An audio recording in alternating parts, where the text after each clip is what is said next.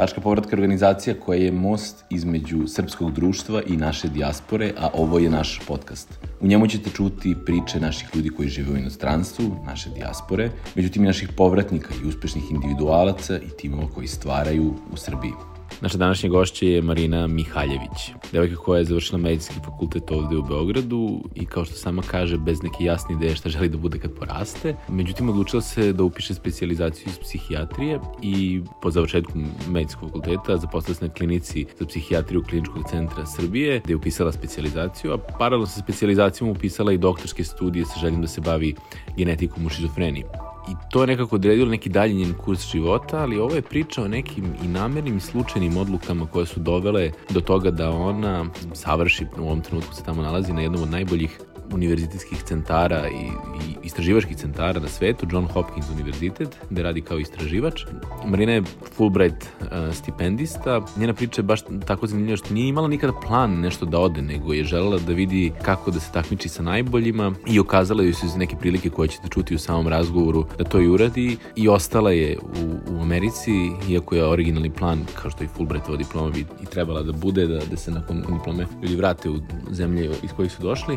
Njena priča je zaista inspirativna zato što ukazuje jedan jasan pravac šta je ono što Marina želi da radi u životu, a sa druge strane koliko to može da bude jedna nestalna stvar i koliko lokacija nije možda nužno bitna. Ona svakako razmišlja o povratku u, u Srbiju, planira povratak u Srbiju u nekom trenutku, nije sigurna kada i ono što je meni najinspirativnije je što neko ko radi na jednom, da kažem, najprestižnijih e, univerziteta na svetu, ima iste dileme kao i mnogi ljudi koji su bili na našem podcastu, kao verovatno velika većina ljudi, da li otići, da li vratiti se, kako, kada, u kom formatu, kako može da se doprinese. Sve u svemu jedan dubok, iskren, interesantan razgovor sa nekim koji ima jako puno iskustva da podeli ne samo u, svojoj struci, nego i u tom nekom životnom putu koji je toliko zanimljiv.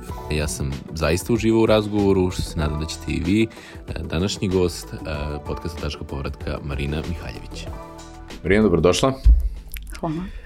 Kako si ovako? Do kad, do kad si tu, ajde, do kad si sada snimamo, danas je koji? A, šesti, to sam sad tako, pitala, da. tako da znam, da. do 15. jula. Da, do, koliko dugo si već tu? A, pa sad će biti skoro već mesec dana. Došla sam zato što mi se brat oženio i onda sam dobila kao ekstra dane zbog toga. Da. A gde inače živiš? A, živim u Washingtonu, u DC-u. Dobro, i šta radiš tamo? Dakle, ja sam neuronaučnik, kako ja to sad volim da kažem, na Hopkinsu. Ovde sam u Srbiji psihijatar u kliničkom centru i tamo sam otišla na stručno usavršavanje 2019. godine. Uh -huh. um, kako se uopšte, kako si dolazi do toga? Kako si došla do, mislim, do stručnog usavršavanja najprestižnijih institucija na svetu? Da, ta, Ovako, to je bilo nekako interesantan splet okolnosti. Dakle, dok sam bila ovde, tačnije dok sam upisivala specializaciju iz psihijatrije, jer sam to nekako znala da od uvek želim da se time bavim, opredelila sam se da se bavim genetikom u šizofreniji. I to se malo ko, da kažem, ili vrlo malo istraživača u Srbiji time bavi i znala sam da negde trebam to da naučim. Zašto se malo istraživača time bavi? Pa generalno genetika u psihijatriji kod nas nije bila toliko popularna, da kažem genetika, mislim prvo što je skupo, skupa vrsta istraživanja i nekako relativno od skora je sa tim nekim novim modernim tehnologijama i u svetu po, onako neki boom napravila, pogotovo sa tim nekim takozvanim genomskim studijama asocijacije, kada mi možemo da istražujemo ogroman broj gena i genskih varijanti kod pacijenata. Tako da a, kod nas je to bilo u nekom, da kažem, obimu, pogotovo te neka predklinička, odnosno bazična istraživanja, dok u klinici samoj nije se to toliko, da kažem, obrćala mm. pažnja mm.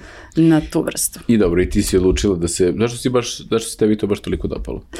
Pa zato što sam onako možda malo naivno uh, tad na početku imala utisak da prosto naša terapija za šizofreniju nije dovoljno uspešna u smislu da se mogu svi simptomi a, pokriti ili izlečiti. A, ta bolest je upravo, da kažem, hronična bolest koja zahteva a, da se terapija uzima čitav život i opet nekako funkcionalno samih pacijenata nije dovoljno dobra i ti simptomi se vrlo često vraćaju. Dakle, trebaju nam bolji lekovi mm. i ja sam tada nekako a, mislila da ćemo pronaći a, gen ili gene koji su um, zaslužni za, da kažem, bolji terapijski odgovor i da će to upravo nekako poboljšati terapiju i neke buduće, da kažem, smernice u lečenju.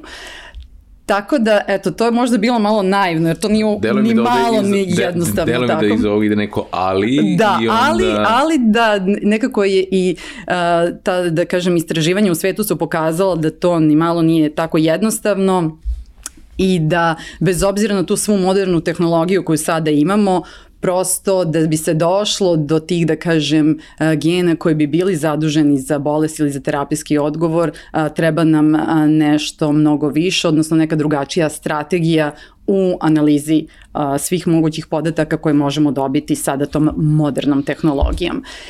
E sada da se vratim kako sam ja onda otišla. Znači ja sam nekako bila a, a, želela sam da nešto, da naučim negde nešto više. I to me nekako vodilo od početka moje specializacije. Upisala sam tada bila i doktorat na medicinskom fakultetu, smer molekularne medicine. I onda sam se prijavljivala za sve moguće škole koje postoje u Evropi za mlade psihijatre i za neuronaučnike, da bih što više nekako prikupljala informacije iz inostranstva i da kažem tih svetskih naučnika za oblast koja mene interesuje. I onda je u stvari uh, dobila sam uh, mail od moje mentorke da uh, postoji jedna škola na Long Islandu. A mentorka na specializaciji ovde? A mentorka je ovde, jeste. Imala sam sreću da sam imala fenomenalnu mentorku, uh, Nađu Marić, koja je uh, bila vrlo ovako sve, imala, ima i sada vrlo svetske standarde u smislu istraživanja u, u psihijatriji i ona je nas upravo i gurala da se mi prijavljujemo i da negde uh, idemo napolje i da učimo i da donosimo to znanje u Srbiju. I tako je ona meni poslala taj uh, mail gde je stojalo uh, da se održava škola baš za šizofreniju, workshop na Long Islandu u Cold Spring Harbor Laboratory. Uh, I ja kad sam videla taj mail i videla sam koji su profesori koji dolaze tamo da uh, budu nedelju dana sa nama i da održe svoje predavanja, ja sam sebi rekla ja moram da budem tamo. Mm -hmm. Prosto to je ono što ja nekako nazivam krem de la krem uh, naučnika u oblasti šizofrenije i negde mi je to bilo uh, moj da kažem neki prozor gde ću ja saznati sve što me zanima iz mm. šizofrenije. A, znači, izvini da. da se prekidam, ali za, pitao sam te zašto je to ono genetska šizofrenija. Da, a zašto, zašto šizofrenija? Zašto šizofrenija? Da, ovo genetika u šizofreniji, dakle, zato što sam želela i zato što i dalje želim da se poboljša terapija. Jasno. To je genetika zbog čega, a zašto šizofrenija? A, to je, da kažem sada, pitanje koje me vraća nekako u period kada sam upisala medicinu, a, jer a, nekako potičem iz doktorske porodice i to nekako bila sam najbolji džak i očekivalo se ili ću medicinu ili ću elektrotehniku. I bila sam odličan matematičar i fizičar i negde sam ja više naginjala možda i kao elektrotehnici, međutim šta će žena u elektrotehnici, to je bio jedan od komentara. Moderni stavova. Jeste i onda sam ja, jel te, kao uh, poslušan džak otišla na medicinu. I dakle, medicina samo po sebi, iako je zaista fantastična i grana i sve, nekako nisam se tu pronalazila, odnosno razmišljala sam uh, kakav doktor ja želim da budem, kome ja želim da pomognem. I uh, na četvrtoj godini medicine imali smo psihijatriju, psihijatrija onako više, uh, da kažem, uh, grana gde ljudi razmišljaju o psihoterapiji. Znači psihoanalizi, mi ćemo sada tu da učimo o dubinama ljudske duše i tako. I međutim na vežbama je bila neka potpuno drugačija slika, imali smo pacijente sa ozbiljnim psihijatrijskim bolestima, što ja volim da naglasim sa bolestima mozga, znači to nisu neka stanja o kojima mi samo eto tek tako pričamo i lečimo ih, a, već su to ozbiljne bolesti. I imali smo pacijente koji su obolili od šizofrenije. I studenti su bili jako uplašeni. Mislili smo, no, oni su agresivni, oni će da nas napadnu, kako mi da ostanemo sami u sobi sa pacijentom. I trebali smo da uzmemo anamnezu. Ja sam bila jedina koja je uvek žela da uzima anamnezu od pacijenata zbog toga što negde sam ja upravo osjećala taj njihov negde bol i tu negde stigmu koju i oni negde osjećaju od mhm. strane mm. društva, pa nažalost nekad i od strane lekara. Nekako su, a, da kažem, ajde da kažem prosto rečeno skrajnuti u toj nekoj medicini jer se o tome malo zna, priča se o tome kako je to neka psihološka bolest, a i ne pristupa se kao ozbiljnoj bolesti mozga i to mhm. su pacijenti koji jako pate zbog svega toga, koji žele negde i da budu i uključeni i da budu bolje prihvaćeni i negde se onda moja empatija najviše za njih razvila u smislu moje pomoći njima kao lekara. Mm -hmm. S druge strane, mislim da je to jedna fascinantna bolest jer ona počinje kasnije u tom, da kažemo, adolescenciji ili uh, radnom uh, početku mladosti uh, i negde ta, da kažem, deca ili vrlo često odrastaju kao, kao mi, kao neko ko je potpuno bio do tada bez ikakvih simptoma ili ono što mi volimo da kažemo bio normalan. Mm -hmm i onda se nešto desilo tad u adolescenciji. A što to neki okidač koji onda nešto pokrene? To Jeste, to su, o, mi ne znamo, nažalost i dalje šta je to što pokreće nastanak šizofrenije uh, i tu smo ja negde... Pitam, mm -hmm. baš me interesuje. Da, su da. To, su to recimo nekim skenerom vidljive promene na mozgu? Nisu. Nisu. Nisu. Znači nemamo ništa što bi bio ono, kad kažemo patognomoničan znak, znači nešto što ti vidiš na skeneru ili vidiš u krvnoj slici i vidiš na bilo kom, da kažem, nekom biološkom markeru i kažemo aha, to je da. sada šizofrenija. Ali simptomi su toliko distinktni da vi tačno možete da, kada, da, da definišete da je to yes. jedan pattern koji to je... To je vrlo dramatična slika koja se javlja kod pacijenata i vrlo je često dramatična i za samu porodicu. Jer upravo ovo što sam rekla, nekako kada pričamo o tim psihijatrijskim bolestima o kojima ljudi dosta i da kažem i mediji vole da pričaju, autizam recimo, mm. to je vidljivo od samog početka i nekako na to se dosta onda obraća pažnja. Mm Međutim, šizofrenija nema tu neko mesto, iako je ozbiljnost ista, da kažem, ili ti slična uh, sa autizmom u smislu te neke disfunkcionalnosti pacijenta kasnije za život i invaliditeta, oko 1% u populaciji. Stvarno? Da. Ali to su vjerojatno neki različiti oblici, jel da? E, to si lepo sada rekao, jeste, mi volimo da kažemo to nije šizofrenija, nego šizofrenije, mm -hmm. jer postoje različiti oblici i različita težina kliničke slike koja se javlja. Mm -hmm. Tako da, eto, u tom smislu negde ono što ljudi znaju kao klinički znaci, to su halucinacije i sumanute ideje, odnosno utisak da te neko prati, progoni, da te snimaju, možda sad i ja imam takav utisak, ali e, da kažem... Sve ovo Matrix onako. Da, kada se takva neka slika javi, to je jako teško za članove porodice, za pacijenta koji nema uviđaj u svoje stanje. Ono što mi kažemo ima uh, otuđenje, odnosno poremećaj testa realnosti i uh, onda je jako teško i njega nagovoriti da uzima terapiju i da mu treba lečenje i taj neki uvid se kod pacijenta isto dosta narušava tokom same bolesti. Mm. Da.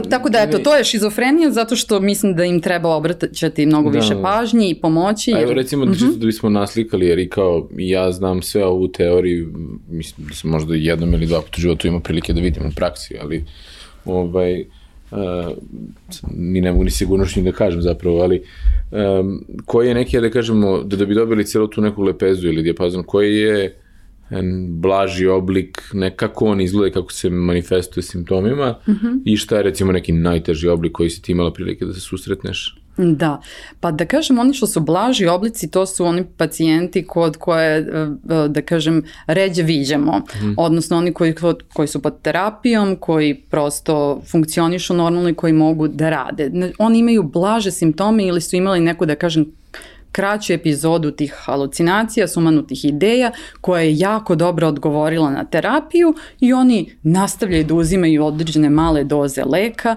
i prosto o, funkcionišu kao relativno, relativno normalni, do da kažem i normalni. A, e sada, to je da kažem sa kliničke strane možda malo i trik pitanje zbog toga što kada imamo tu jednu, kada se javi neko sa tom prvom epizodom, odnosno prvi put sa tim simptomima gde su svi da kažem jako zbunjeni i uplašeni, vrlo često to može da ima i dobru prognozu u smislu da je to bilo tad jedan put u životu, da se uzima terapija neko kraće vreme i da to onda prosto može i da prođe da se, da kažem, više ne ponovi. Može da se, da se, ono, da kažem, pomeša sa nekim paničnim napadom ili nekim... Da, ne može. Zbog ne može. toga što su zavisnosti ako su uključene i psihoaktivne substance, što bi mi rekli, vrlo da. često onda mogu oni da daju sliku tih halucinacija i sumanutih ideja proganjanja, da. najčešće koje se javljaju kad neko koristi, uh, kanabis, marihuanu. Uh, međutim, kod šizofrenije ono što je dominantno, pored ovog što sam rekla, ovi simptomi ko, od kojima svi pričaju, oni koji su samo indukovani da. sa psihoaktivnim substancama, to si pomislio. Ne, ne, mislim, sam, ona je samo indukovan, šizofrenija se samo mm -hmm. indukuje bez psihoaktivnih substanci. Jeste, može da vrlo često početak je kada se koristi psihoaktivne Aha. substance i onda nekako svi kažu, znaš, sada je ta nekako trend je da se uh, marihuana uh, da kažem, prihvati i da se rekreativno koristi, međutim mi smo to malo oprezniji jer marihuana definitivno je povezana sa rizikom od nastanka šizofrenije i kod nekoga naravno niko koristi čitav život i nikad mi se to nije desilo. Da, kod onoga kod koga se to desilo nakon što je koristio, za njihovu porodicu je to, da kažem, 100% rizik. Da, da, da, da, da, da. Tako da su tu malo, da kažem, oprečni stavovi između, da kažem, nas i uh, sada da kažem, tih nekih trendova, ali dobro, to je možda neka malo kompleksnija sada tema. A... Da, mislim, pošto mm -hmm. postoji sad da druga strana medalje da nekome medicinske, ono, kao kažemo, ono, potrebe reš, ljude sa artritisom ili Da. Ne, sve, dok e sada, to je recimo kanabisovo ulje koje ulje, se kao da. anksiolitik ili protiv bolova, a ta substanca koja u stvari uzrokuje nastanak halucinacije i sumotivija THC, da, da, jeste, da. jeste, u stvari da bude čisti oblik kanabisa bi bilo najbolje, međutim to da se vrlo mm -hmm. redko nalazi u slobodnoj prodaji. Slobodnoj prodaji, da. tako zvuči, da. A, tako da, a, zbog toga, eto, ja to nekako sam malo, da možda to... Sa konzervativnije strane, da Konzervativno, sasvim tela da iskoristim neki izraz koji je lep, ali da možda konzervativna je najbolji. Uh, I uh, ono što je još kod tih pacijenata, u stvari zašto su oni tako disfunkcionalni, to je ta ono što mi nazivamo negativan sindrom, a to je da oni prosto se povlače uh, iz socijalnog okruženja, da nemaju više volje, niti motivacije za bilo kakav rad, da nekako se ne druže, da su usamljeni hmm. i da prosto nemaju taj neki, da kažem, emotivni više osjećaj, no, emotivna ali zaravljenost. Ali postoje neki, neki markeri koji, to, to ono što si rekla da u stvari ne može da, da nemamo nažalost nažalost ni za to. Mislim, mi smo svi jako usmereni ka tome da se tako nešto pronađe.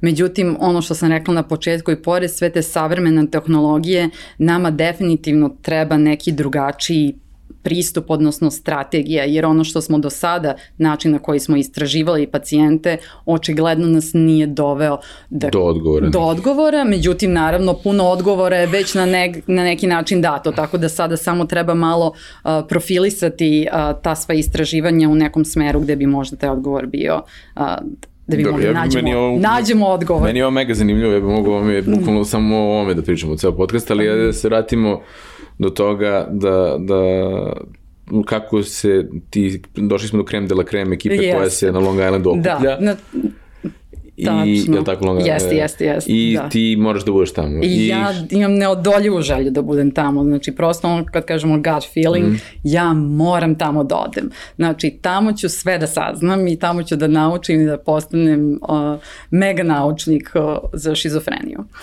I ta, ta uh, uh, škola je skupa. Mm -hmm. tako da ja sam se prijavila za neku stipendiju i tako i moj kao ajde baš moraš prilike. Ja kažem ja moram. Mm. I onda sam ja tamo otišla Uh, Menjala bubreg za mozak. Da? Od prilike i otišla sam tamo i kada sam stigla, prvo bila sam toliko uplošena jer je to tako kao ja to zovem naučni resort. To je božanstvena priroda na Long Islandu, ta neka kuća u viktorijanskom stilu, tamo vas ovaj, dočekuju u rukavicama, onda kao vaš prtljak ćemo sada odvesti kolima. Ja došla i kažem gde sam ja ovo došla i stigla, Au. šta ću ja ovde? Ja sam se toliko preplašila od tog njihovog stava, tako da kažem, dostojanstvenog držanja a, i nekako na distanci, da nisam znala a, kako ću da se ponašam, a još moje znanje engleskog tada je bilo Uh, bilo je dobro, ali u toj nekom konverzaciji sa njima sam bila još dodatno zbunjenija zbog uh, te anksioznosti i straha koje sam imala. I ništa, dolazim ja tamo u svoju sobu koju sam delila sa tom nekom cimerkom, a ono cimerka iz uh, NIMH-a, to je National Institute of Mental Health, to je jedna od najvećih institucija u Americi. I ja kažem, ja iz Srbije delim sobu sa njom, ja po čemu ću ja s njom da pričam? Mislim, ja sada ovako, mm -hmm. sve to kada pričam, to govorim šta su mi bile prve, Sigurno, da kažem, misle koje su mi prolazile kroz glavu, što su naravno sam već posle par minuta videla da to nije tako, ali to je trebalo nešto da me razuveri, da vidim da a, mogu da se snađem i sa takvim, da kažem, I kako ti izgleda? Ajde baš provedi nas kroz taj trenutak kada si... Da. To... I ja sam došla, znači prvo sam se upoznala sa njom koja je bila fenomenalna. Ona je bila dečiji psihijatar, a, bila je onako jako i prijatna i druželjubiva, njoj je bilo interesantno što sam ja iz Srbije i da ona čuje, u stvari ona je iz Argentine pa je došla u Ameriku, tako da je to ona jedna priča od svih, svi traže neku svoju sreću u Americi. Ona je završila medicinu u Argentini, specializaciju je zatim na NIH-u i sad je došla tu onaj da čuje o šizofreniji više. I onda smo nas dve otišle na prijem koji je bio taj kao koktel to prvo veče i u stvari to prvo veče isto bilo onako uh, traumatično za mene zbog toga što prvo sad celo to društvo se okupilo, ja sam znala da su profesori i instruktori koji su vode tu školu sa Johns Hopkinsa, Cardiff univerziteta i Kolumbije. Mm -hmm.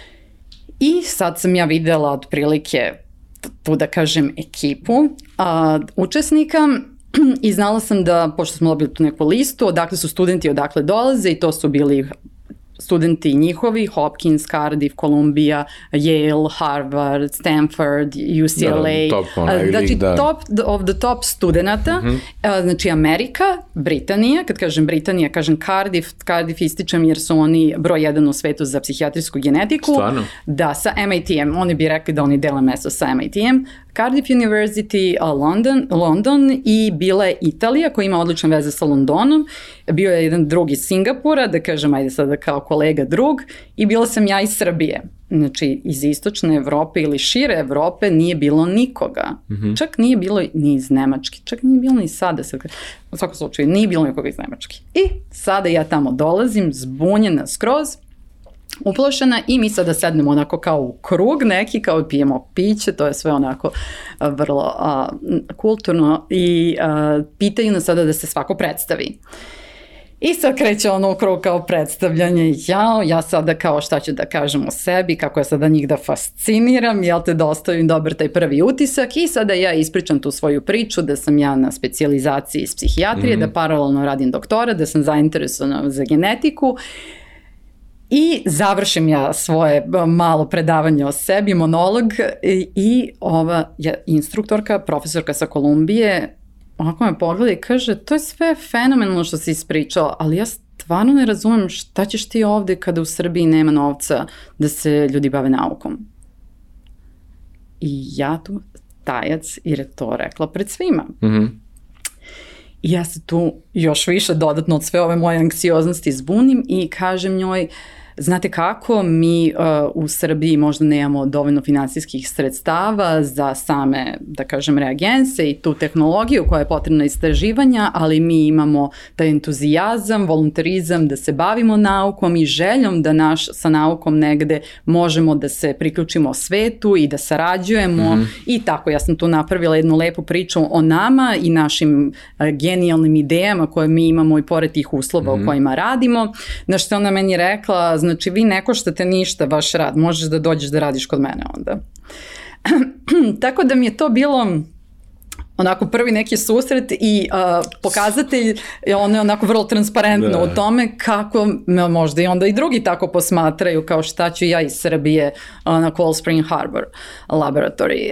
Um, Međutim, ja sam svoje uh, social skills tu iskoristila i ja sam nakon toga, meni se inat proradio, uh, naš čuveni inat da. i ja sam tu krenula onda da pravim tu svoju network mrežu, da se družim sa svima, da budem opuštena, jer me ona dodatno tu bila, da kažem, iziritirala s njenim stavom. Uh, I bila sam, postavljala sam pitanja na predavanjima, nisam se stidela ničega i shvatila sam vrlo brzo da su moja pitanja interesantna i da imaju smisla i uh, posle par dana je meni prišao profesor sa Hopkinsa. Samo da razum, koliko mm -hmm. traje ceo taj... Nedelju dana. Nedelju dana, dobro nedelju dana i on je, ne znam, možda negde četvrti dan, ja mislim da je tako bilo, meni prišao i rekao, znaš šta, ja mis, vidim da si ti fenomenalna i sviđa mi se kako razmišljaš i hajde ti dođi kod mene da radiš ja u šoku, pošto onaj komentar njen da dođem tamo jer uh, neko što mm. ništa mi je onako ostao, ali sad neko zaista mi nudi nešto konkretno. Prvo, ja nisam ni otišla tamo sa idejom da će bilo ko mene da pozove da radim u bilo kakvom takvom velikom centru. I ja sam tu bila zbunjena, znala sam da sam na sredini specializacije doktorata ovde i ja sam rekla, znate kako, ja bih mnogo volila da dođem, uh, ali ja želim da završim sve u Srbiji jer sam na pola puta i ja ću tad vama da se javim i ukoliko postoje mogućnosti, ja ću doći. I on je rekao, dogovoreno, sviđa mi se tvoj stav, ostaćemo u kontaktu do tada, naravno, naravno i sve super.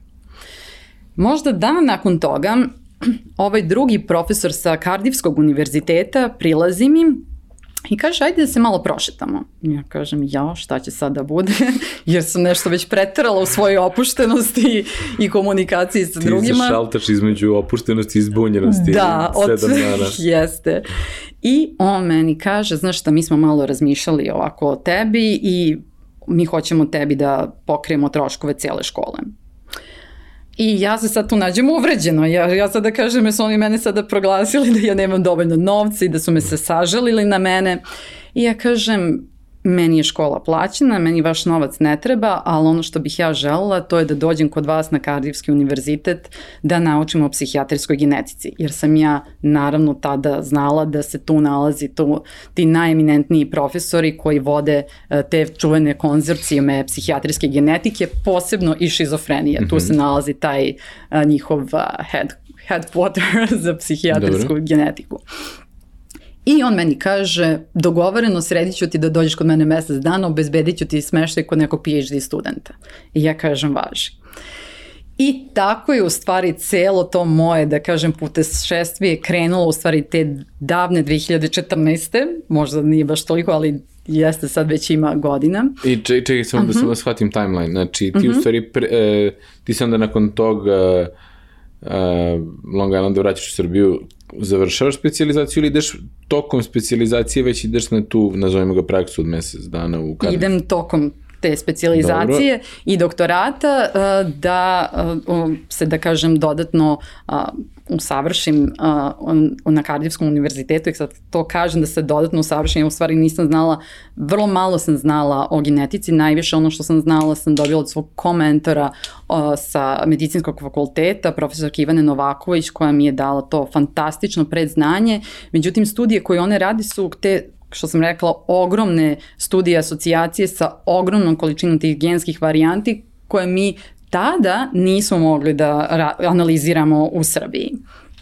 I pošto sam ja znala kakve podatke oni tamo imaju, a mi smo bili deo u stvari tog nekog multicentričnog projekta gde smo taj deo nisam rekla, već smo bili uključeni u jedan evropski projekat preko moje mentorke mm. a, koja se bavio taj projekat genetikom i sredinskim faktorima. Ja sam znala da svi uzorci koji su prikupljani od te studije su bili na Kardivskom univerzitetu mm -hmm. u tom centru. Mm -hmm. I sa tim predznanjem ja sam tamo otišla i nekako imala uh, jasnu ideju šta ću ja njima tamo da, da, da kažem da tražim. Da, da. I prvo što sam onako naučila dosta toga od terminologije koju oni koriste, koju ja nisam imala priliku da učim u Srbiji jer time se nismo bavili. Mm.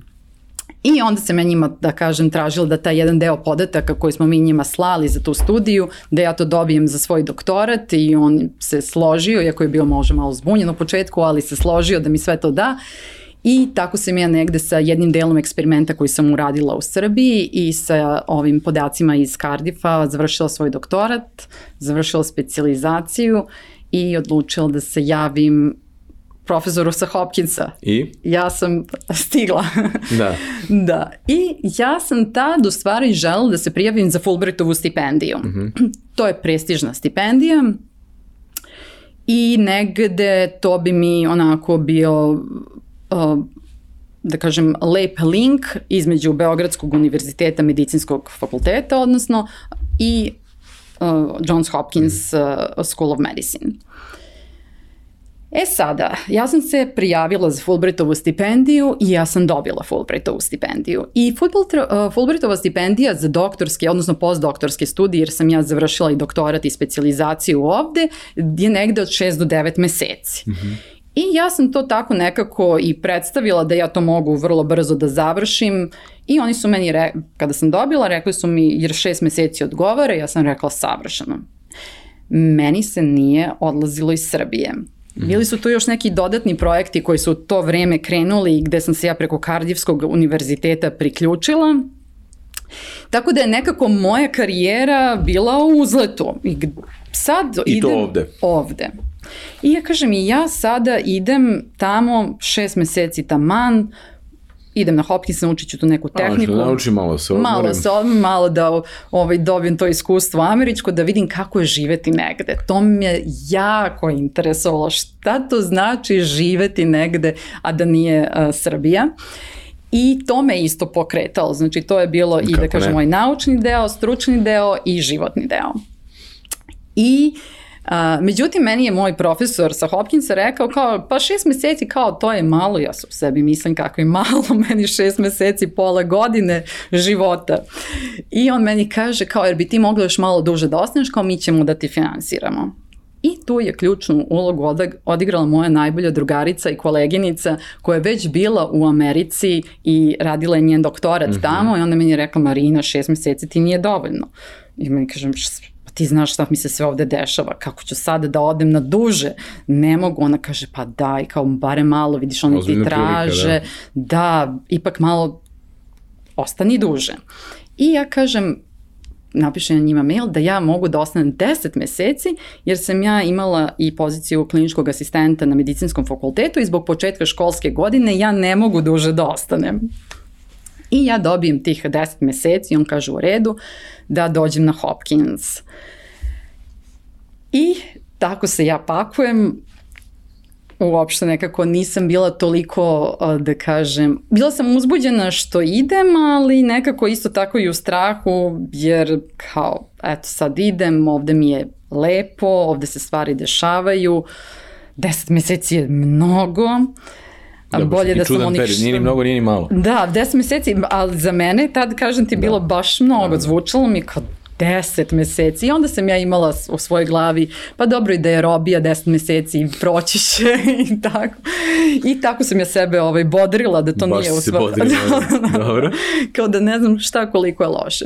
I sada ne znam koliko znaš, ali Johns Hopkins se nalazi u Baltimoru. Mm I sada ja dolazim u Baltimore iz moje, znači iz Beograda, iz jedne divne sredine, dolazim u Baltimore. I tu su bili prvi susreti otprilike sa životom u inostranstvu. Mm. Kakav je to bio susret? Ja sam bila, mislim da sad ovako gledajući da nisam bila dovoljno potkrepljena s informacijama koje su mi trebali. Ja sam tu sebi našla smešta i rentala, unapred sam uzela stan, ali nekako nisam se baš dovoljno raspitala oko svega. Već sam išla šta sad, Amerika. da, pre svega recimo šta, kraj u kom si živjela, to bi bilo... Da, znači uzela sam hotel da bih sredila svoj stan u Baltimoru koji je bio u nekom kraju koji sam čula da je lep kraj, nalazi se odmah pored vode, Fells Point, koji je stvarno božanstven. Uh, ali da bih ja sad opremila taj stan, umeđu vremenu ja sam uzela hotel u centru Baltimora, A, gde je drugo nego da budem u downtownu. Jasno, jasno, da, da, to je klasična greška svakog koji iz Evrope ide za da, Ameriku. Da, dobro. Da. I tako ja uzmem hotel, lep hotel u centru Baltimora i stižem tamo i vrlo sam zbunjena populacijom. Mm. to mi je bio onako prvi utisak i toliko sam bila zbunjena i uplašena jer je tu bilo puno beskućnika. Mm -hmm. To je bilo onako dominantno, to su bili onako nekako glasni komentari. Uh, izašla sam iz taksije, ušla sam u hotel i ušla sam u sobu uh, koja je nije radio uh, ovaj pož protivpožarni alarm je nije se isključivao. Dobro. Ja sam bila toliko umorna i uplašena da sam ja rekla ja ću spavati sada sa ovim. Znači ja ne smem dole da siđem. Da. I u svakom slučaju, tako je, to je bio moj početak tog nekog straha i downtown uh, Baltimora. Da. Baltimora. I sada, da kažem, najde da, tu su bile još koje kakve uh, peripetije sa kojima sam se susrela, uh, jer sam onako koristila Google Map, pa sad gde oni kažu da ja trebam da pronađem namještaj, da, da. IKEA, neke stvari, mobilni telefon, ono, kartica, ja to lepo uzmem kako je directions preko public transporta i shvatila sam da ni public transport nije baš zgodno koristiti. Da, da, da. da. Eto, to su bile neke, da kažem, tako prve stvari i onda sam otišla na Hopkins. Da, i sada susret moj na Hopkinsu, sada dolazim u tu veliku uh, ustanovu, toliko, da kažem, i poznatu i svetsku i ta božanstvena stara zgrada koja je na svim slikama Hopkinsa. Mm -hmm.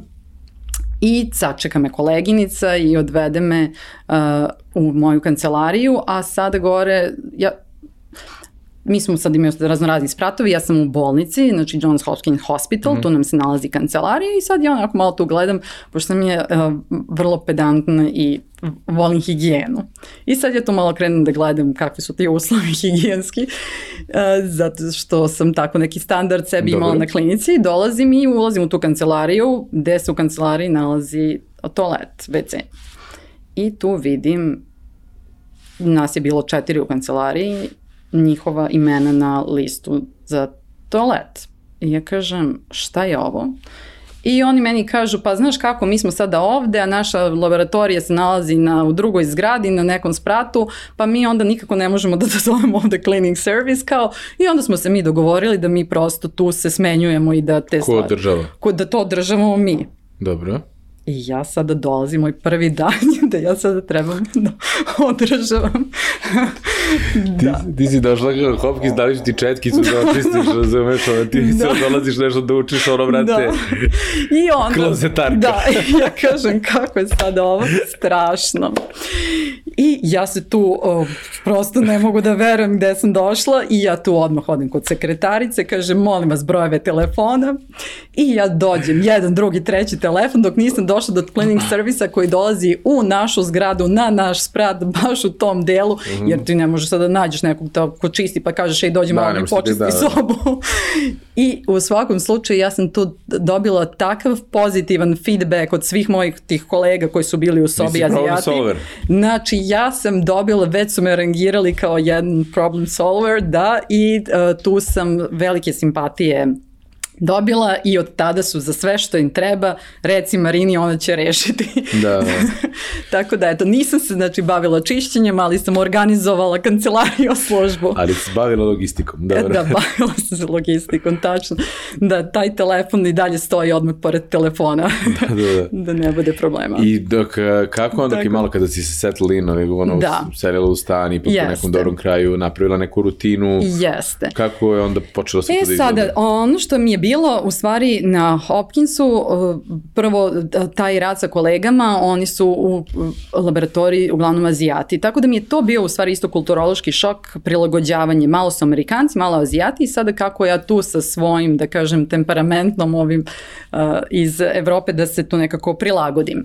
I tu mi onako trebalo neko vreme, ali sam vrlo brzo ja tu nekako naučila kako sa kolegama I jako mi se dopao u stvari njihov odnos, taj kolegijalni odnos i način na koji smo mi diskutovali oko stvari nauke kojim smo, da kažem, to nekim istraživanjem započeli da se bavimo i uh, u stvari uh, njihovo nekako želje da mi se pomogne i da mi se olakša. Znači, taj neka ljubaznost i prijateljski stav od samog početka je nešto što mene osvojilo. Čega kod nas baš nema. Upravo to. To sam htela nekako da sada uh, Bolje da istaknem kažem. tačno. To je u stvari ono što je mene onako bilo razmišljali da čitav onaj moj strah i neku teskobu koju sam osjećala da se nekako tu uh, aklimatizujem. E sada imao je taj moment usamljenosti koji sam osetila vrlo brzo jer dolazim iz sredine gde sam ovde bila jako ušuškana i razmažena. Sad mogu mm. da kažem razmažena onako u, pravom smislu te reči. I onda sam osetila da ja tamo, da imam sada sve to bilo lepo na poslu, ali ja posle posla tu nemam sa kim da mm. se, jel te, da družim posle posla i onda nekako sam shvatila da tu trebam da se snađem i vrlo brzo sam se u stvari snašla e, jer sam se stizali su na mailovi jer je tamo sve organizovano, pa kada si deo te postdoc grupe, onda vam stižu mailovi za neki social events koji se organizuju na Hopkinsu i neki happy hours. I sad sam ja odlučila, Marina, nemaš drugu opciju nego da odeš tamo i sada sama pa da se upoznaš sa ljudima. I tako sam i otišla i upoznala sam se sa ljudima i nakon mesec dana ja više definitivno nisam bila sama. Dobro. Da, Tako da, eto, to je bio neki moj, da kažem sad ovako, početak na Hopkinsu što se tiče tog nekog života. Sa naučne strane isto vrlo brzo su se desili neki dobri rezultati, gde je možda bila onako početnička sreća, ali mi je bilo ono što sam ti negde rekla, sa nek, treba nam neka druga ideja da bi se ti podaci kojima mi baratamo analizirali. Dobro. I ja sam tu neku ideju njima predložila. Bi moglo nekome ko ništa ne zna o tome da kažeš ono, šta je to, zašto je to toliko drugačije? Pa taj drugačiji, da kažem, deo je e, recimo vezan za to što se u šizofreniji konkretno, ali u većini nekako, e, da kažem, grana psihijatrije gleda to kao e, bolest, ne bolest, kategoralni mhm. pristup u analizi pacijenata što nekako, pošto smo već rekli da je to grupa različitih pacijenata, nije tako dobro na takav način mm. porediti stvari, onda tu se nekako gleda, onda ako gledamo samo pacijente, tu se neki simptomi bolesti gledaju, pa se pokušava to da mm -hmm. se mhm. negde pronađu uzroci tih simptoma bolesti sa nekim biološkim markerima i na a, kraju nekako je taj terapijski odgovor. Znači imamo bolest, ne bolest, simptome same bolesti pa da probamo tu da pronađemo neki marker koji bi po, pokazao tu povezanost sa tim sumanutim idejama, halucinacijama i imamo sledeće, to je kako, koji pacijent će dobiti terapijski odgovor. Mm -hmm. Možda si čuo za tu personalizovanu medicinu. Svi sada pričaju o tome da nama treba bolji personalizovani pristup jer svaki organizam različito reaguje da, da, da. na um, to znam, to terapiju. Znam. Jeste i to je nešto što je sada i u psihijatriji, da kažem, aktualno. Uh, E sada, da bi taj terapijski odgovor, ono što se isto kroz studije pokazao je da slabi tokom vremena. Znači ti si im počela je bolest, pacijent je odgovorio na terapiju i sada ti daješ tu terapiju, međutim on desi se da je ponovo dobio epizodu bolesti pa terapija ne reaguje dobro, pa nova epizoda zbog toga što terapija ne, ne deluje dobro i to nekako ima taj silazni, hroničan tok gde na kraju dođemo do pacijenta koji ne odgovara terapiju i koji je u um, najčešće u invalidskoj penziji mm -hmm. upravo zbog toga što mm -hmm. uh, i to je jedan od velikih ono od, da kažem uh, ono worldwide disability mm -hmm. je uh, psihijatrijska diagnoza šizofrenije zbog upravo te disfunkcionalnosti pacijenta jer sada ja ne volim da govorim taj izraz ali ljudi onako žargonski kažu oni postanu kao biljke. Mm -hmm. I to je taj uh, nis, silazni tok. E, onda sam uh, ja rekla, ok, uh, znači svi gledamo kao i terapijski odgovor, šta je ono što dovodi pacijenta do tog lošeg terapijskog odgovora, a nekako ne gledamo šta je to što utiče na taj tok, a to je nova da. epizoda bolesti, odnosno relapse bolesti. I onda sam ja rekla, hajde mi sada da se fokusiramo na markere za relaps. Što Mhm. u određenim granama medicine postoji taj neki staging uh, model, čuo si vjerojatno za kancer, ko, Mhm. u kom je stadijum i od toga ti zavisi terapija koja će biti. To u psihijatriji nemamo, ali postoje neke, da kažem, uh, varijante u istraživanju koje se koriste. Ali ovo za relaps nije dovoljno istraženo, pogotovo sa biološke strane, odnosno kako nađemo te biomarkere, ono što si ti rekao, jer možemo mi da pogledamo Da, da, da, da, na da, da. skener i to. I ja sam dala tu ideju kao ajde da podelimo pacijente i mi smo ih podelili i ja sam tu dobila uh, jako dobre rezultate i onda sam rekla, dobro, ako sam ja u pravu, onda ako poredite ovo s ovim i ovo s onim, dobit će se ti rezultati. I u stvari to je ta bila, da kažem, početnička sreća. Ta moja koleginica koja je data scientist je samo rekla, "Ah, wow, I ja sam rekla šta je ovo kao prvi put da je neko postavio hip- hipotezu i da su ti rezultati bili 100% tačni. I onda se moj šef tu oduševio, tu studiju je finansirala farmaceutska kuća, oni su se zainteresovali za taj pristup, za te rezultate i odjednom, vrlo brzo, ja sam nekako tamo dobila svoje mesto i prepoznata sam za tom nekom inovativnom idejom, što možda, kažem ovako, deluje možda uh, simplifikovano sam je ja nekako tebi objasnila, ali je bila interesantna i nekako na tim um, krilima tog uspeha sam dalje nastavila tamo da budem. Pomalo menja trajektoriju tvoje, tvoje originalne planove, ili tako? Da. A, moram da spomenem moje originalne planove šta je u stvari promenilo, a, taj da kažem sada privatan deo. A, ja sam se tamo vrlo brzo u stvari zaljubila kao nikad u životu. Što je divno. da, jeste. I to je u stvari meni nekako a, dovelo do toga, sad ovako zvuči, dovelo do toga, ja sam poprilično onako volim sve to da bude i nekako nisam zaljubljive prirode, to mi baš onako ide jako teško. Dobro. Međutim, uh, Amerikanac je mene tu, da kažem, Čarmira. uh, šarmirao, jeste, upravo možda zbog tog nekog, ono što sam rekla, ljubaznosti i prijatnosti, nema tog nekog stava da smo, nego vrlo je bio onako i prijateljski mi se našao i stvarno je bio moj neki anđeo čuvar, kako ja kažem, u Americi u tom periodu. I ja u stvari odlučim zbog te veze, kažem, ok, ne znam sad šta će da bude, šta ja sad da radim, ali ajde kao ostaćeš godinu dana, pa ću da vidim kako će se ta veza razvijeti. Uh, on nije samo bio Amerikanac, on je bio Afroamerikanac, tako da je to nekako malo komplikovalo priču, gledajući i sa američke strane i sa ove strane. Sa moje strane to nije imalo komplikacija, međutim, uh, eto, nekako možda to tema za neki drugi razgovor, uh, da prosto ti, ta vrsta, da kažem, biracial couples ima svoje poteškoće. Pogotovo je ova kombinacija, da kažem, što je Amerikanac, trebala sam i na to da se prilagodim, a onda je ovo nekako drugačiji Još jedna komponenta, da.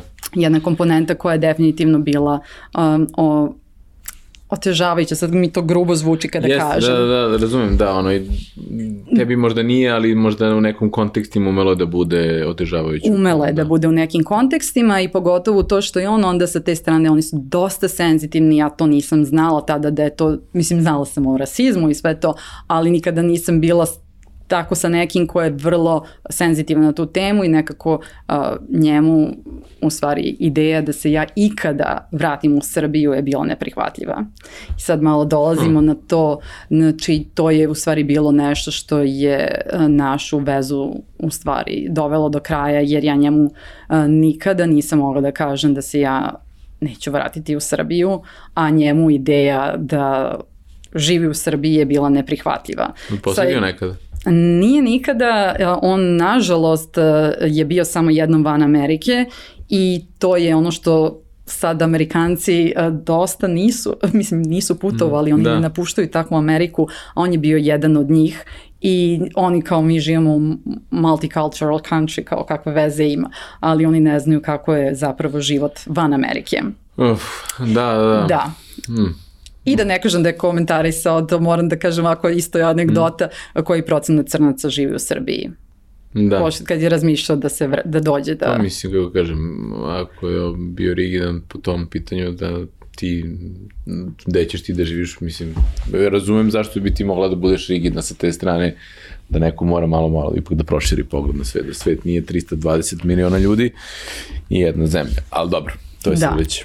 Da, to je već sada nekako... Uh, ja, to je jako, da, da, da, za, mislim, zanimljiva je tema, zato što recimo, pa, e, potpuno na drugu stranu, ali opet povezano s tim. Uh, Srbija više nije samo zemlja emigracije. Srbija polako postaje zemlja imigracije.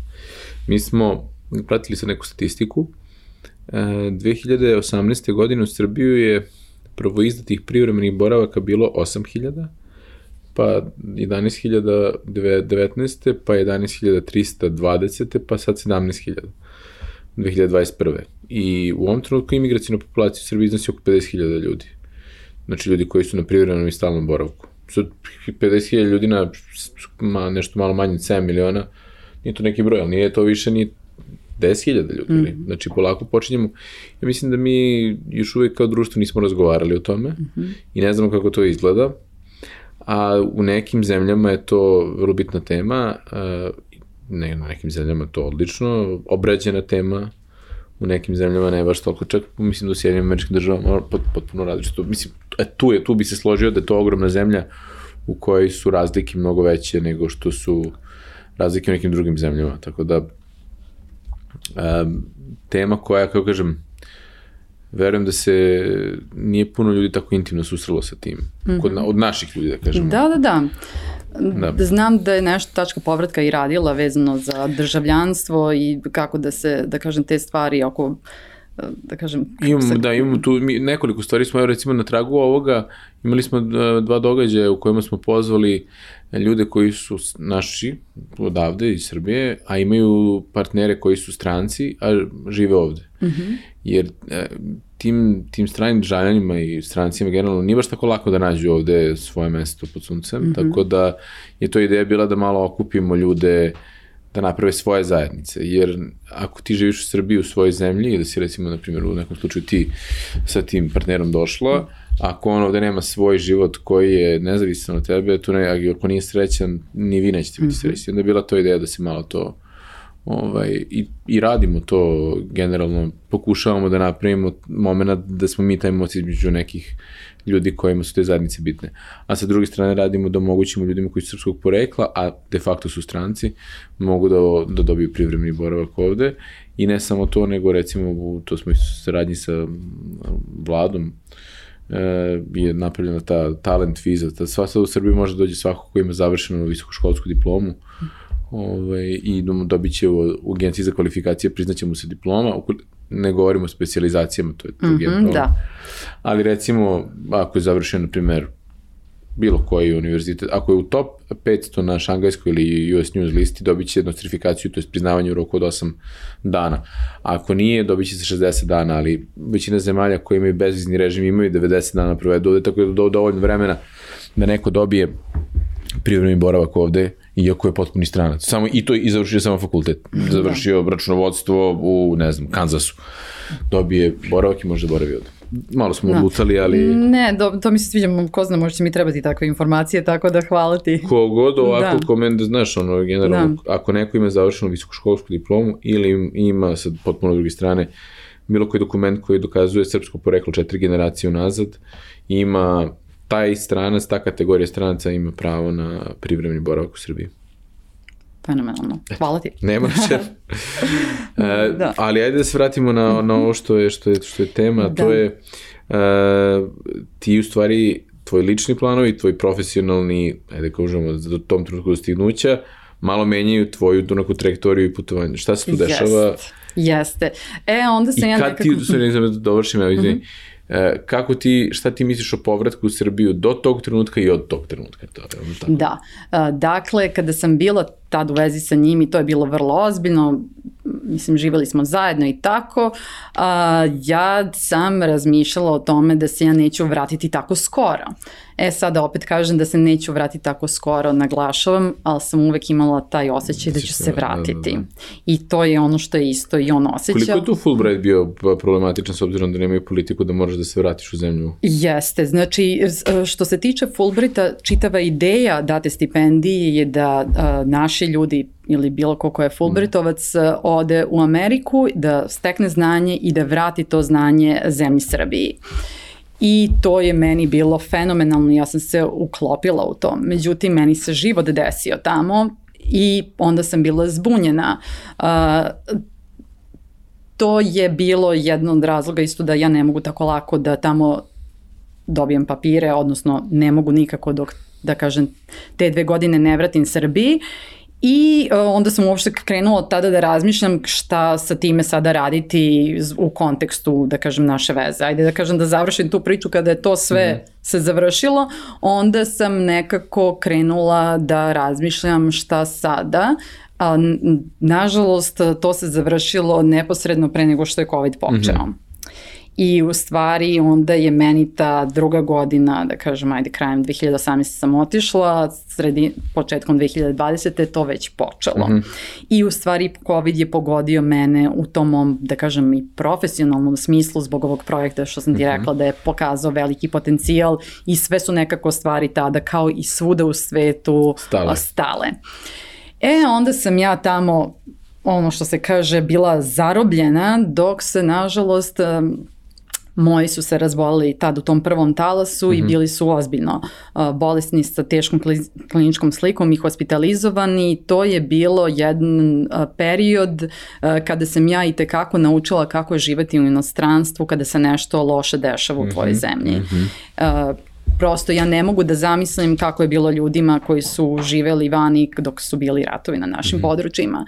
Meni je ovo lično bila velika trauma i uh, jedna škola isto uh, kakav je to osjećaj kada prosto ne možeš da odeš nazad. Mm -hmm tad su bili svi letovi stopirani i sada ja ponovo zvučim razmaženo kada kažem da je to bilo strašno jer sve se dobro završilo i ja sam pronašla let, ali prosto eto tih možda, ja mislim da je to bilo negde oko dva meseca, to je za mene bila prava agonija, agonija da. dok nisam sela u avion i vratila se u Srbiju i prosto osetila tu ljubav, toplinu i sve što mi je tamo bilo potpuno, da kažem, nestalo u trenutku. Da, da, da, da.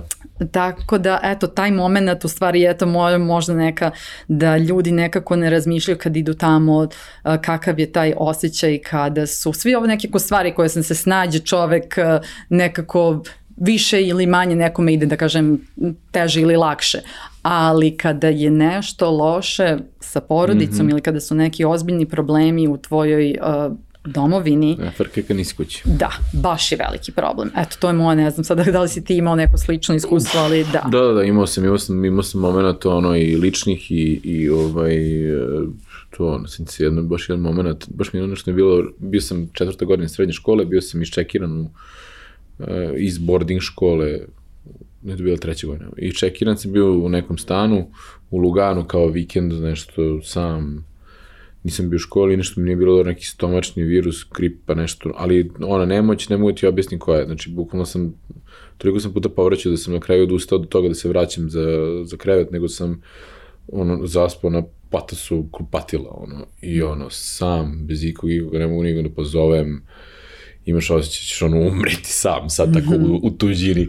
Od tih momenta do momenta i različitih kulturoloških šokova, kad sam osetio recimo, vidio sam par puta kada ljudi iskazuju rasizam na, na drugim ljudima, ali redko kad sam bio sam predmet rasizma, ali mm -hmm. mi se to mhm. desilo recimo u New Orleansu. Mm -hmm. Kad sam bio klinac, ono da sam negde su me samo zato što sam bio beo u kraju koji je bio ili isključivo crnački i potpuno samo zbog toga je bilo, nije bilo ni čega drugo. Tako da je onako taj moment neki nesigurnosti, bilo je takvih nekih situacija da ono se osjećalo nekomfortno zbog toga što Ali dobro, to su sad neke... Da. neke Jeste, jedno, to je jedna bit- kompleksna bitne vrlo teme, tema. ali kao Mhm. da, nisu tako light da možeš tako da uđeš i na out i to.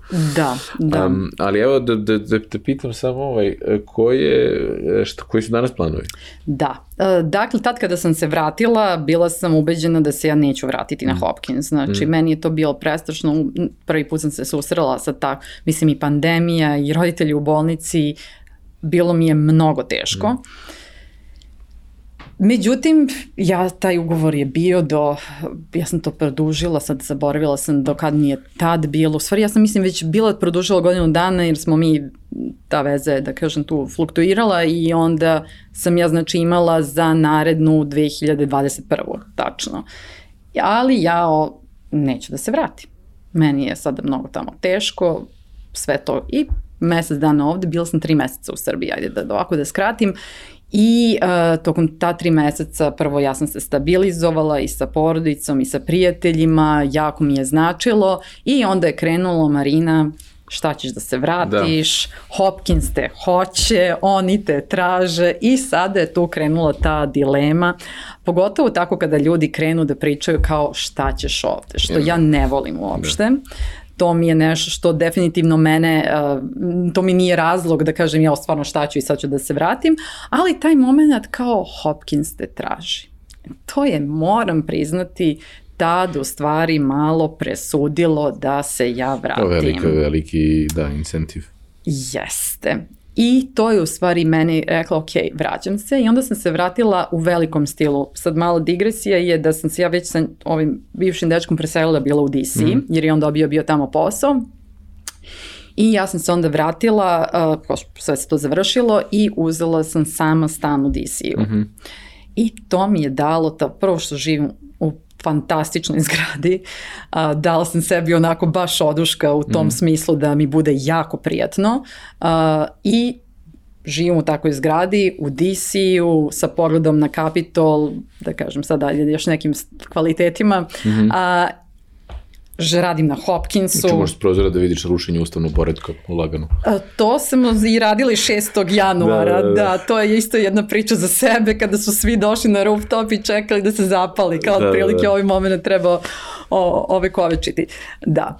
E, I da, da napravila sam sebi jako lep život i onda odjednom su krenule stvari ponovo pozitivno da se dešavaju i moram da naglasim to je bila naša srpska komuna koja mi je dosta pomogla da se nekako a, ponovo nekako aklimatizujem i vratim tim da socijalnim da. jeste, ali isto tako i Amerikanci u zgradi. Mm, mm. Jer je ta jako lepa zgrada, tu treba da kažem, ima dobra zajednica, ti young professionals su vrlo svi uspešni i u stvari to mi je dalo jedan dodatnu snagu da mm. tamo ostanem i nekako motiv. Odjednom je postalo sve jako interesantno.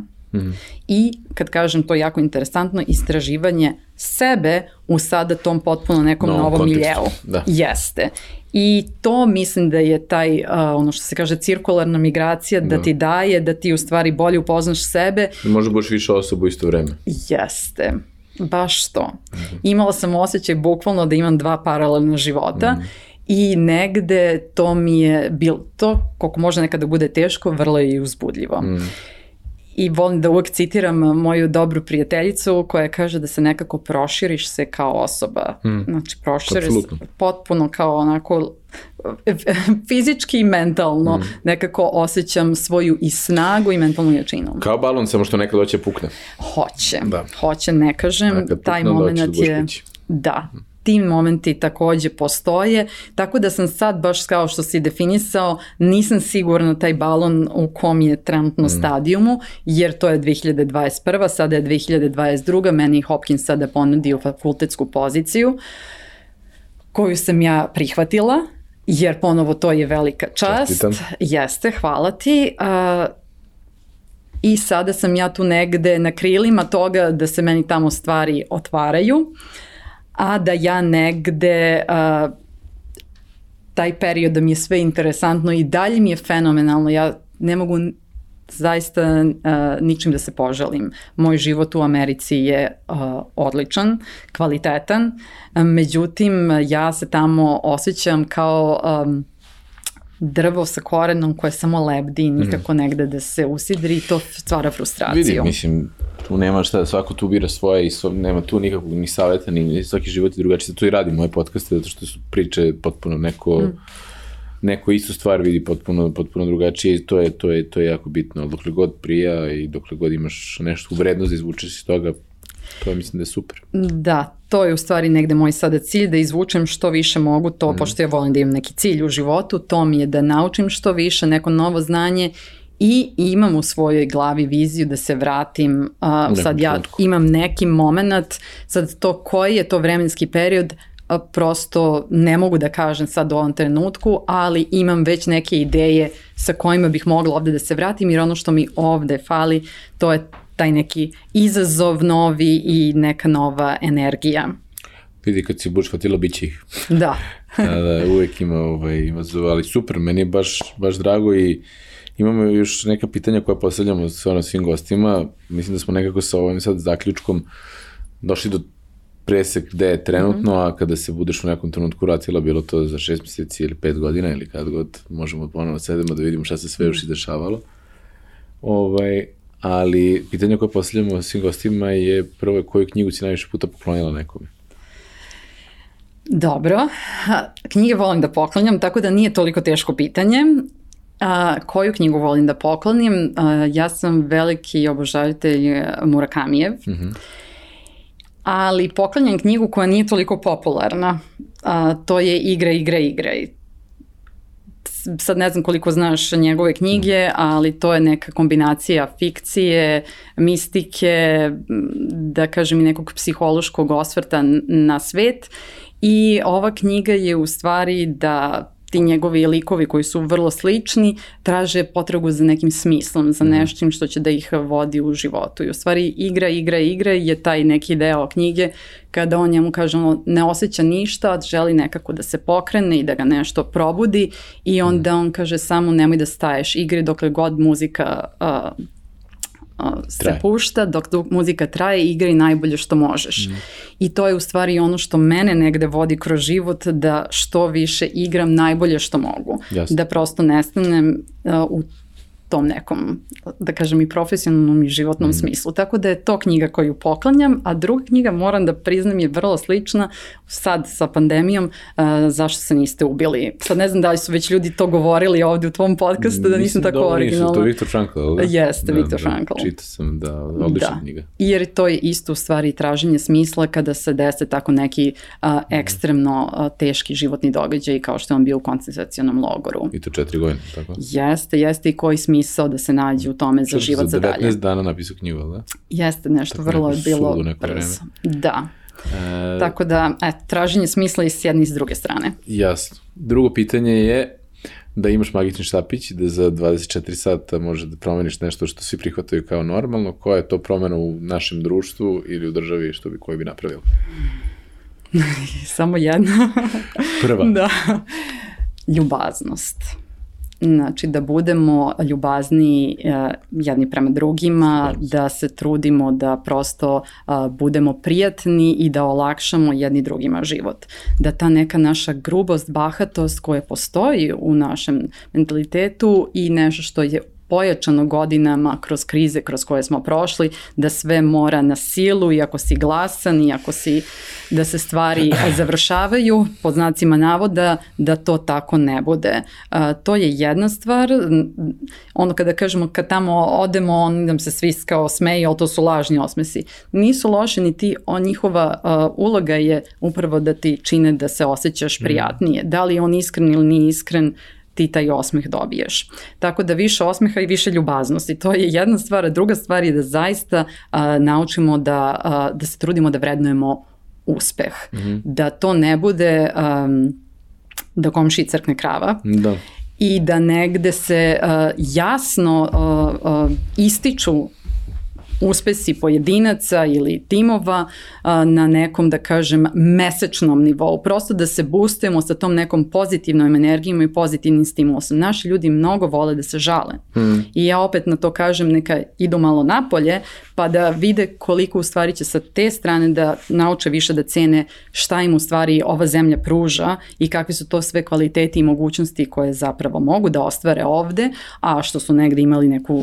idiličnu sliku da je sve tamo na napolju uh, lepše i lakše i dakle da se žalbe i uh, ta crna slika da je sve tragično smanji i da prosto svaki pojedinačni uspeh, meni je bilo fantastično, vratila sam se, to nije bilo, barem ja ne pamtim, billboardi sa đacima generacije. Mm -hmm da kažem, počevši od tako, stvari, da. jeste, osnovnog obrazovanja, pa do o, o, zdravstvenih ustanova gde ja da radim, dakle na svakom recimo mesečnom nivou da se kaže koji su to uspesi. Uh, od toga mm. ko je bio najbolji radnik, ko je najbolje, uh, najviše pregleda ima. Mislim da super recimo aplikacija za naše heroje. Da, to, Znaš da to? ne znam. To su i ono lekari koji su se borili tokom COVID-a, dobili su neke posebne pogodnosti. Uh, zove se, mislim, za naše heroje. I to su, ne znam, posebno, bukvalno imaš set pogodnosti koje, zato što su ljudi bili ono, stali na prvu liniju medicinskog fronta mm -hmm. tu i u sistemu su to je recimo super. Da, samo da se takve stvari ne zaborave, nego da se nastave i da upravo se na taj način neka zdrava kompeticija na taj način sa uspesima pojedinaca stimuliše. Važi, Marina, hvala što si bila naš gost, e, srećan put, e, e, javi se kad se vratiš i svako ćemo sarađivati tome da ti budeš jedan od ljudi koja je naša ono, ambasador tamo negde u, u, u Washingtonu i u Severnoj Americi, tako da hvala ti još jednom na gostovanju. Hvala ti puno na pozivu i bit će mi zadovoljstvo da se rađam s vama.